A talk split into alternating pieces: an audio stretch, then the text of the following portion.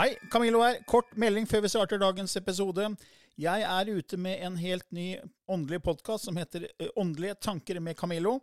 Du finner mer informasjon om den hvis du går til camilloloken.no skråstrek gratis. camilloloken.no skråstrek gratis. Der er det også overraskelser til deg som er fast lytter av mine podkaster.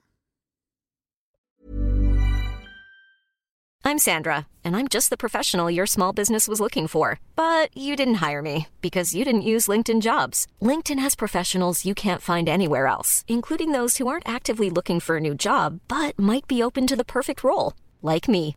In a given month, over 70% of LinkedIn users don't visit other leading job sites. So if you're not looking on LinkedIn, you'll miss out on great candidates like Sandra. Start hiring professionals like a professional. Post your free job on linkedin.com/people today. I denne podkasten belyser vi temaer innenfor den ikke-fysiske åndelige verden, og hva vitenskapen eventuelt sier om dette. Mye av innholdet er basert på vår erfaring gjennom mange år og på informasjon fra ulike kilder. Vi deler her med deg vår sannhet, som kanskje ikke er en universal sannhet. Noen av podkastene inkluderer også gjester som deler med seg sin opplevelse av hva som er sant og riktig innenfor disse temaene, noe som nødvendigvis kanskje ikke alltid stemmer med vår egen sannhet. Mer informasjon om vår podkast finner du på andogvitenskap.no. Takk for at du lytter til vår podkast.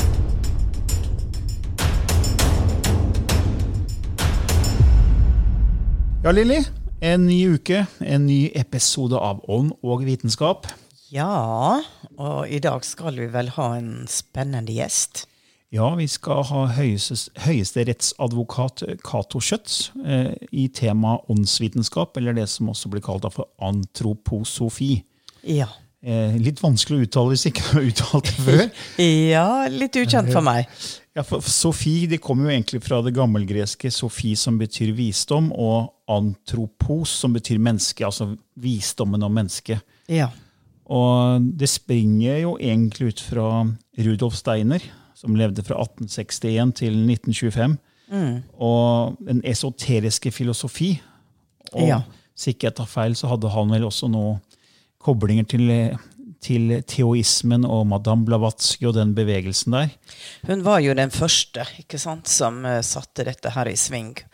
Og var jo i sin tid uh, uh, veldig, veldig kjent og omstridt. Um, hun gikk jo hos de kongelige og inspirerte de, og det var jo en fascinasjon av det okkulte og det som var utenfor øh, øh, vår, vår verden.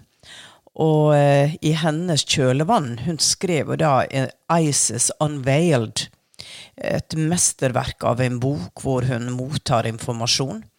Og så kom jo eh, Alice Bailey, Sv- eh, og mange, men de tufta veldig mye av sine ting på hennes opprinnelige, selv om hun var veldig omdiskutert, og det var snakk om svindel, jeg vet ikke hva det ikke var snakk om. Men hun var den som begynte å brøyte vei, det er det ingen tvil om. Og så har jo forskjellige retninger utvikla seg fra det, og der er vel Rudolf Steiner. Ja, jeg mener han hadde jo koblinger til, til eh, teoismen, og så starta han på en måte sin egen Ja. greie som blir kalt eh, antroposofi. Som Ja. på en måte er eh, eh, også en slags bevegelse som, som da bygger på impulsene fra Steiner. Ja. Og Cato Schjøtz han har jo satt seg grundig inn i det her. og eh, Det blir spennende å høre hva han har å si om det.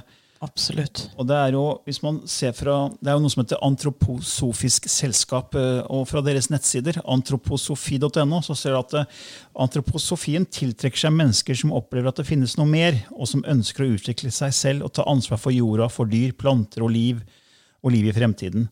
Og De fordyper seg og utvikler liv og sansing og gir ny forståelse av menneskelivets spirituelle sider. Ja. Så jeg føler veldig tilhørighet til antroposofien i den forstand at det er på en måte åndsvitenskap, at det er noe mer enn det fysiske. Absolutt. Absolutt. Og det er jo veldig aktuelt i våre dager, det de står for. Ja. Så la oss nå ringe Cato Schjøtz Ja. og høre hva han har å si om antroposofi. La oss gjøre det. Da gjør vi det. Da ringer vi, og så kommer han snart på her. Der var vi. Ja, hei, det er Camillo fra Ånd og vitenskap. da. Ja, Ja. hei. Du har jo lang fartstid innen antroposofien, og jeg var så heldig å høre på deg 12.2 i Fredrikstad. Da var du sammen med doktor Audun Mysja og et foredrag som hadde tittelen 'Hva skjer når vi dør?', og som var arrangert av Den norske kirke. Og det som jeg syntes var veldig spennende, var jo din bakgrunn. fordi det var jo egentlig første gangen jeg hørte noen som har så å si identisk bakgrunn som meg selv, med oppvekst i en legefamilie med et ateistisk livssyn, og så bryter man ut. Og du har vel selv sagt at du var på en måte den grimme Elling, eh, litt sånn som meg, hvor man bryter ut av noe som er etablert og, har et fast syn på ting, og så har man en helt annen retning. Hva, men hva var ja. grunnen til at du valgte å gå en helt annen retning enn det du på en måte var vokst opp med? Ja, si det. Ehm, det er egentlig ganske gåtefullt i min biografi. Fordi at eh, jeg kommer, som du sier, fra en familie en legefamilie i, i, to generasjoner som er eh, svært lite interessert i det spirituelle. Jeg har ingen venner, ingen kolleger, ingen naboer som har noen særlig metafysiske interesser. Så hvorfor jeg skulle få og til de grader identifisere meg med det antroposofiske, det er egentlig veldig gåtefullt. Skulle man, eh, skulle man prøve seg med en forklaring, så, så tror jeg at dette faktisk eh, ligger som en skjebnemessig utfordring. Eh, jeg tror jo at eh, vi er ikke bare et produkt av arv og miljø. Det er en tredje kraft som er medvirkende til å styre livene våre, til å styre biografiene våre. Og det er, det er skjebne. Så jeg anser min hva skal jeg si, min interesse for det metafysiske og min identifikasjon med det antroposofiske for å være et skjebneanliggende, verken mer eller mindre. Eh, ja, fordi vi har jo tidligere, Lilo og jeg snakker om mange forskjellige åndelige temaer, men jeg vil jo si at skjebne er på en måte litt som en slags kjelekontrakt? En, en, at du har en kontrakt på at du skulle gjøre dette her i dette livet? Uh, filosofen Søren Kirkegård sier at man kommer inn i livet med forseglede ordre. Man, man kommer inn i livet med oppgaver som man uh, ikke selv er bevisst, og som man må uh, men som kommer, kommer til en. Uh, og Det syns jeg er et fint bilde. den romerske filosofen Seneca sier at skjebnen leder den villige og sleper den uvillige. Så man kan jo spørre i hvilken grad man har, man har full frihet eh, til å fravike det som er ens skjebne. Men man kan ja. i større eller mindre grad beja den, og jeg håper at jeg har bejaet den. Det er jo interessant å se at min gode venn forfatteren Kai Skagen kom med sin selvbiografi før jul. Og den kaller han, den, han kaller boken 'Den forseglede ordre'. Eh, så, så, dette med den forseglede ordre det er et veldig godt uttrykk som, som da eh, antyder at eh, vi kommer alle inn i livet med noe som, eh, som kanskje skal være vår primære oppgave. Ja, jeg forstår deg veldig godt, fordi jeg tror det er jo triggere som påvirker det her. fordi jeg gikk jo i nesten 40 år før jeg ble interessert i, i disse temaene, og du fikk vel også en interesse i voksen alder. Og, og da, Noen mener jo at det er triggere på DNA-nivå som plutselig setter i gang ja. denne ordren. da. Ja, det det er vanskelig å på en måte bevise eller, eller jeg, nei, jeg har en klar intuisjon, en klar legning eh, mot det metafysiske. Eh, andre har en ateistisk legning. De har forskjellige, de har forskjellige evner. Noen løper fort, noen er musikalske, noen er flinke i, i matte. Og noen har en metafysisk legning. Jeg har en metafysisk legning, mine venner har det ikke. Eh, og det er, det er greit. Vi er forskjellige, og slik skal det være. Ja, men det er, det er mange som kaller antroposofien for åndsvitenskap. Hva, hva ligger egentlig i det begrepet? Det syns jeg er et uh, veldig komplisert begrep. Fordi at uh, Med vitenskap så forbinder vi naturvitenskap. Vi, vi, forbinder at det er noe som kan etterprøves. Det er mm. noe som er intersubjektivt, altså uh, som, som, er hevet over det, over det subjektive, som er objektivt. Med en gang vi snakker om det oversanselige, Eh, så er det problematisk å snakke om vitenskap. Jeg er klar over at eh, Steiner mente at antroposofi var åndsvitenskap, men jeg personlig går ikke på den vitenskapsbarrikaden. Eh, jeg man kan si at man, med vitenskap så tilstreber man nøkternhet, saklighet og objektivitet. Eh, og det gjør man jo innen antroposofien. Eh, antropos, altså det Steiner vil, Steiners hovedanliggende, er jo å bidra til erkjennelse. Steiner vil ikke omvende, Steiner vil ikke appellere til tro, Steiner vil ikke frelse. Steiner vil utvide vår erkjennelse til å omfatte det metafysiske, og ikke bare til det vi kan telle, måle eller veie. Det er, Altså- det, er, det er Steiners hovedbudskap. Vi må erkjenne at mennesket er en borger av to verdener. Og så Mhm. må vi bruke vår kunnskap, vi må bruke vår erkjennelse eh, i et eh, dannelsesprosjekt som går på oss selv. Vi må prøve å selvfølgelig bli et bedre menneske, og vi må utmynte dette i sosial praksis. De tre tingene det er liksom antroposofien som er i et nøtteskall. Erkjennelse, egenutvikling, sosialt ansvar. Ja, for du snakker om to verdener, og, og det her snakker om egentlig at vi, vi skal øke vår bevissthet til å se litt større på det. og det, det som jeg syns er litt eh, interessant, er jo at vi mennesker er jo fysiske, men samtidig er vi abstrakte. Vi har jo bevissthet, og vi kan ikke ta og føle og forske på bevissthet, i hvert fall ikke enda. Så vi, vi er jo per definisjon både ikke-fysiske og fysiske. Nei, men her, står- her står jo slaget, da. For en materialist eh, vil jo da si at vår bevissthet det er noe som er et rent eh, fysisk fenomen. Ja. Og det vil vi med tid og stunder kunne tilnærme oss rent materialistisk, rent naturvitenskapelig. Eh, jeg har ingen tro på det. Jeg tror at eh, bevissthet har en dimensjon som ikke kan henføres til celler, molekyler eller DNA for den saks skyld. Det er, det er noe som kommer i tillegg. Det er en tilleggsdimensjon. Det er etasjen over det fysiske. Ja, for de tenker jo at bevissthet er, tilhører på en måte hjernen. Det er hjernen som setter i gang alt. Men så er det jo veldig mange spennende studier på nær døden-opplevelser. Ja. Annet av dr. van Lommel i Nederland. Ja da. Men, her, men, her, men her, her, her står jo hovedslaget, da. Ja, ikke sant? Her står hovedslaget. Kan vi forholde oss til, denne, til dette spørsmålet på annen måte enn en ved tro? Um, og Steiner mener ja. eh, Jeg mener ja. Eh, Materialister og ateister mener nei. Mm. Ja, fordi du har jo også skrevet en del om, om, om veldig mange artikler, faktisk, for du har holdt på eh, så vidt jeg vet, helt siden 1989 i Antroposofisk selskap. Det er riktig. Og eh, du har jo utrolig mange artikler du har skrevet, og du skrev en veldig spennende artikkel, fordi det har jo vært norske skikkelser som har vært også tilhengere av antroposofien, som bl.a. André Bjerke. Ja. Og Jens Bjørnvold. Og Jens, Bjørn, ja, hans fetter eh, Jens, Jens Bjørnvold, selvfølgelig.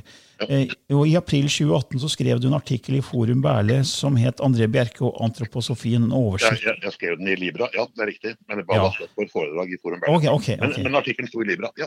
Og der står det jo på en måte at Bjerke var hans viktigste oppgave var på en måte å bekjempe ateisme og naturvitenskapelig reduksjonisme. Det er riktig. At, at han hadde et spirituelt syn på verden og på mennesker som var på en måte vel, veldig påvirket av antroposofien. Altså, du har jo sterke skikkelser i Norge som også har fremmet antroposofien, og at vi er mer enn bare det fysiske. Ja, det, det er ikke noe tvil om at André Bjerke var i alle sine voksne år veldig interessert i og fascinert av Rudolf Steiner. Og Rudolf Steiner var nok uten tvil den personen som betød mest for André Bjerkes verdensanskuelse. Men han var jo en fri kunstner. Han ble jo aldri noe dogmatisk antroposof. Og han eh, hadde vel også til tider problemer med det antroposofiske miljøet. For altså slik antroposofen utartet seg, eller artet seg eller utartet seg alt ettersom, sånn, i Norge. Men um, han var, han var uh, virkelig en, en som uh, gikk i dialog med Steiner, og som hadde glede av å gå inn i den dialogen. Det som også var spesielt for André Bjerke, eh, det var at han vektla en side ved antroposofien som jeg også vektlegger, nemlig eh, Steiners syn på kristendommen, Steiners syn på Kristus. Eh, når alt er sagt og gjort, mener jeg at eh, Steiner dypest sett er en Kristus eh, forkynner. Eh, altså med, med forkynnelse så mener jeg altså en, en som formidler Kristus, og som betoner Kristi betydning. Kristendommen, kristologien, er sentral hos Steiner. Den var sentral for André Bjerke. Og det var særlig kristologien og, eh, og forholdet til Goethe som han var spesielt opptatt av. Ja, men for det tenkte jeg, hvis, ja, fordi Antroposofien snakker vel egentlig om at vi kommer fra det ikke-fysiske inn i det fysiske og tilbake igjen til det ikke-fysiske. Ja. Men kristendommen er jo eh, en av de to store religionene som ikke tror på reinkarnasjon. For det er jo naturlig å bringe inn reinkarnasjon når vi snakker om antroposofi. Ja, det, det er, altså, i, tillegg til kristendommen så står da reinkarnasjonstanken helt sentralt i antroposofien. Og det er jo opprørende for eh, representanter for folke, eh, folkekirken at man kombinerer eh, kristendom med reinkarnasjon. Reinkarnasjon er en kjettrisk tanke. Den er ukristen og må fordømmes. Det, er jo, det har jo vært det eh, lutherske standpunktet i alle, alle år. Slik var det ikke for Steiner. eh, Slik er det ikke for meg. Eh, Jeg mener at disse tankene kan eh, forenes. Eh, Det er, en, det er en lang diskusjon i seg selv, og jeg har jo selv holdt også foredrag om forholdet mellom kristendom og reinkarnasjon. Det er selvfølgelig veldig kontroversielt og veldig omstridt, men eh, for André Bjerke og for meg så er et spørsmål om reinkarnasjon det er et eh, faktum eller ikke faktum. Hvis reinkarnasjon er et faktum, så gjelder det alle forskjellige former for religion. Da gjelder det eh, islam, det gjelder buddhisme, det gjelder hinduisme og det gjelder kristendom. Enten så er reinkarnasjonstanken riktig, eller så er den ikke riktig. Og er den riktig, så overstyrer den alle religioner. Ja, ja for jeg tenker litt, jeg pleier jo ofte å se til naturen for å finne svar, og alt går jo i sykluser i naturen. Um, også i menneskekroppen celler lever et visst antall tid, og så kommer det nye celler, så alt beveger seg i sykluser. Så det for meg er det naturlig at vi også beveger oss i sykluser og går inn og ut av tilværelser. Og vi har jo kalt denne podkasten for Ånd og vitenskap, for vi prøver jo å finne på en måte vitenskapelig forankring i, i forskjellige spirituelle temaer. og og Det er gjort veldig mye forskning på, på reinkarnasjon, og det vet jeg du kjenner godt til. altså Ian Stevenson, ikke sant? Som har holdt på i 40 år, og så er det jo tatt over av en som heter Tucker nå, hans forskning. Så det, så det finnes jo spennende Ja, forskning på det. Det er, det er veldig lett å finne en rasjonell begrunnelse for reinkarnasjonstanken. For meg har det vært viktig å knytte reinkarnasjonstanken til det vi snakket om i stad, nemlig skjebne. For hvis vi eh, forutsetter at skjebne er en realitet, eh, og det mener jo jeg, så er jo det neste spørsmålet ja, hva er det som konstituerer skjebne? Hva er det Mhm. skjebne beror på? Ja. Og da er veien til reinkarnasjonstanken veldig kort. Mhm. Eh, For den går ut på at eh, som man eh, sår, så høster man. Mitt liv i dag, min skjebne i dag, er påvirket av hva jeg tidligere har gjort. Er påvirket av mine tidligere liv. Så jeg syns det er også en nær sammenheng mellom det å knytte an til at skjebne er en realitet, og det å knytte an til reinkarnasjonstanken. De to tingene henger sammen som hånd og hanske for meg. Ja, ja, for vi, vi har jo, Lille og jeg har jo skrevet bøker om, om disse temaene og reinkarnasjon. Det vi, vi ser ikke på det som en form for straff, men som en form for nysgjerrighet til å ut, utforske forskjellige følelser. Så det er, det, er, det er jo mange forskjellige teorier rundt Jeg- også jeg- reinkarnasjon. Jeg liker ikke ordet straff i det hele tatt. Uh, uh, Men poenget er jo at det livet vi gjør, det livet vi har, de erfaringene vi gjør, den måten vi lever på, det har konsekvenser. Det, er- spiller en rolle i en større sammenheng hva jeg gjør. Eh, Det er, og det betyr jo også at vi vet jo at det er utrolig mye urettferdighet og eh, unødig urettferdig lidelse. Eh, helt forferdelig eh, kan det jo være. Ja. Og da kan man jo håpe at disse ekstreme lidelsene, disse urettferdighetene i det enkelte liv, blir utlignet i et større eh, perspektiv. Mm. Eh, og det er jo også slik at eh, skjebne det er ikke bare noe som man kan forholde seg til når man ser tilbake. Det er jo ting i livet som ikke er skjebnebestemt, men som kan eh, danne basis for fremtidig liv. Det er, det er ikke slik at f.eks. katastrofer, ulykker, død nødvendigvis må ha eh, sin årsak i et tidligere liv. Det kan jo være, det kan jo selvfølgelig komme inn noe nytt eh, som kan danne basis for hva som skal skje i fremtiden, i fremtidige liv. Ja. For Jeg var jo ateist selv i 40 år, og da var mitt første argument nemlig det du nevnte, at det er for mye lidelse og elendighet Ja, som, ja, som er på jorden. Og hvordan kan det finnes noen mening med det? Ja, ja, Og det var noe jeg slet med i mange, mange år. Jeg, jeg er selv en frafallende humanetiker. Altså, Jeg, jeg har gått hele den humanetiske røypa med ekte, altså borgerlig ekteskap, uh, udøpte barn, uh, utmelding av statskirken da jeg var 18 år. Jeg var jo utmeldt av statskirken lenge før det ble, uh, ble- vanlig. Jeg meldte meg ut av statskirken etter at jeg hadde vært et år i USA i 1966. Da var jeg 18 år. Så jeg har jeg feirer nå 54-årsjubileum for utmeldelse av statskirken. Ja, ja. Eh, Og som da var selvfølgelig helt eh, logisk for meg som tidligere humanetiker. ja. Det jeg også tenkte jeg skulle høre med deg om, det er jo fordi Steiner, hvis jeg ikke tar helt feil, så var han veldig opptatt av å måte, fremme vår frihet og moral. og Derfor mente han at mekanistisk vitenskap truet det. og Da kommer vi liksom inn på det med fri vilje. Ja. Og Du snak- snakket om skjebne, så Ja. hvor mye fri vilje har vi egentlig? hvis du ser det Ja. fra sånn... Ja, si det. Det er et godt spørsmål, det. Det Steiner ville beja, og det det han ville gi et incitament til, det var jo at at mennesket skulle, skulle være fritt.